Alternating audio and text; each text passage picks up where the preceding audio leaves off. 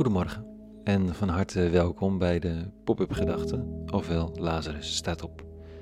Ik ben Rico en ik schrijf in alle vroegte overwegingen om de dag mee te beginnen.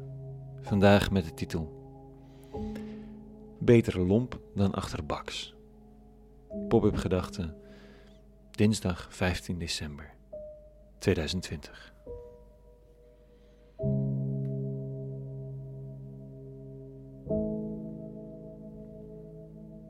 Het is niet altijd makkelijk om nee te zeggen als je nee bedoelt.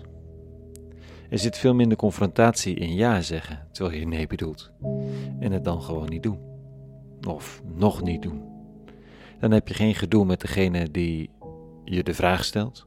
Tenminste, nog niet. En je kunt toch doen wat je wilt. Je kunt later altijd nog zeggen dat je het vergeten bent of dat je er een goede reden voor had. Wie weet duikt die reden later nog wel op. Voor nu ben je er in elk geval van af als je instemt. Het is de weg van de minste weerstand.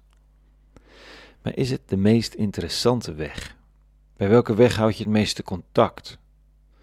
Dat is toch zeker de nee-zegger.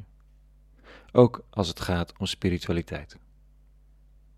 Als theologiestudent had ik altijd de beste gesprekken met de jongeren die nog wel linksom of rechtsom enigszins aan de kerk verbonden waren, maar absoluut niet van plan waren zich verder te binden. Er was in de kerk waar ik vandaan kom een coming-of-age ritueel, dat beleidenis doen heette, en het was redelijk vanzelfsprekend dat je dat zo ruim voor je twintigste wel had gedaan. Alle kerkelijke educatie leidde toe naar dat moment. Het was je toewijdingsmoment, je inwijding eigenlijk. Het vergde moed om te zeggen dat je dat niet wilde, of nog niet wilde. Dan gingen er mensen vragen stellen. Je was ook van je onderricht nog niet af. Duurde het te lang, dan wist zo'n kerk niet zo goed wat het met je aan moest.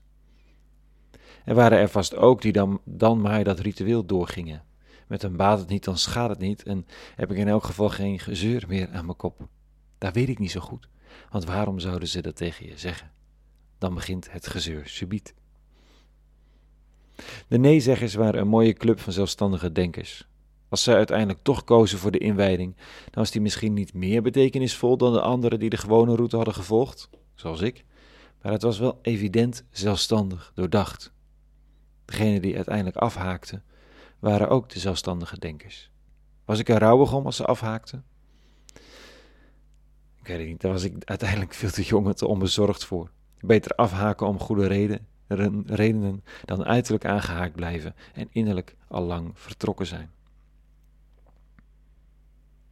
Achterbaks is een beetje een hard woord in de titel, maar het gaat erom dat je buiten- en binnenkant niet correspondeert. En dat kennen we allemaal waarschijnlijk. Ik in elk geval wel.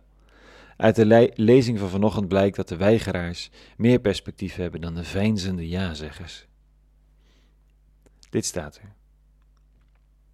In die tijd zei Jezus tot de hoge priesters en oudsten van het volk: Wat denkt u van het volgende? Een man had twee zonen. Hij ging naar de eerste toe en zei: Mijn zoon, ga vandaag werken in mijn wijngaard. Goed, vader, antwoordde deze, maar hij deed het niet. Toen ging hij naar de tweede en zei hetzelfde. Deze antwoordde: Nee, ik wil niet. Maar later kreeg hij spijt en ging toch. Wie van de twee heeft nu de wil van zijn vader gedaan? Ze zeiden de laatste.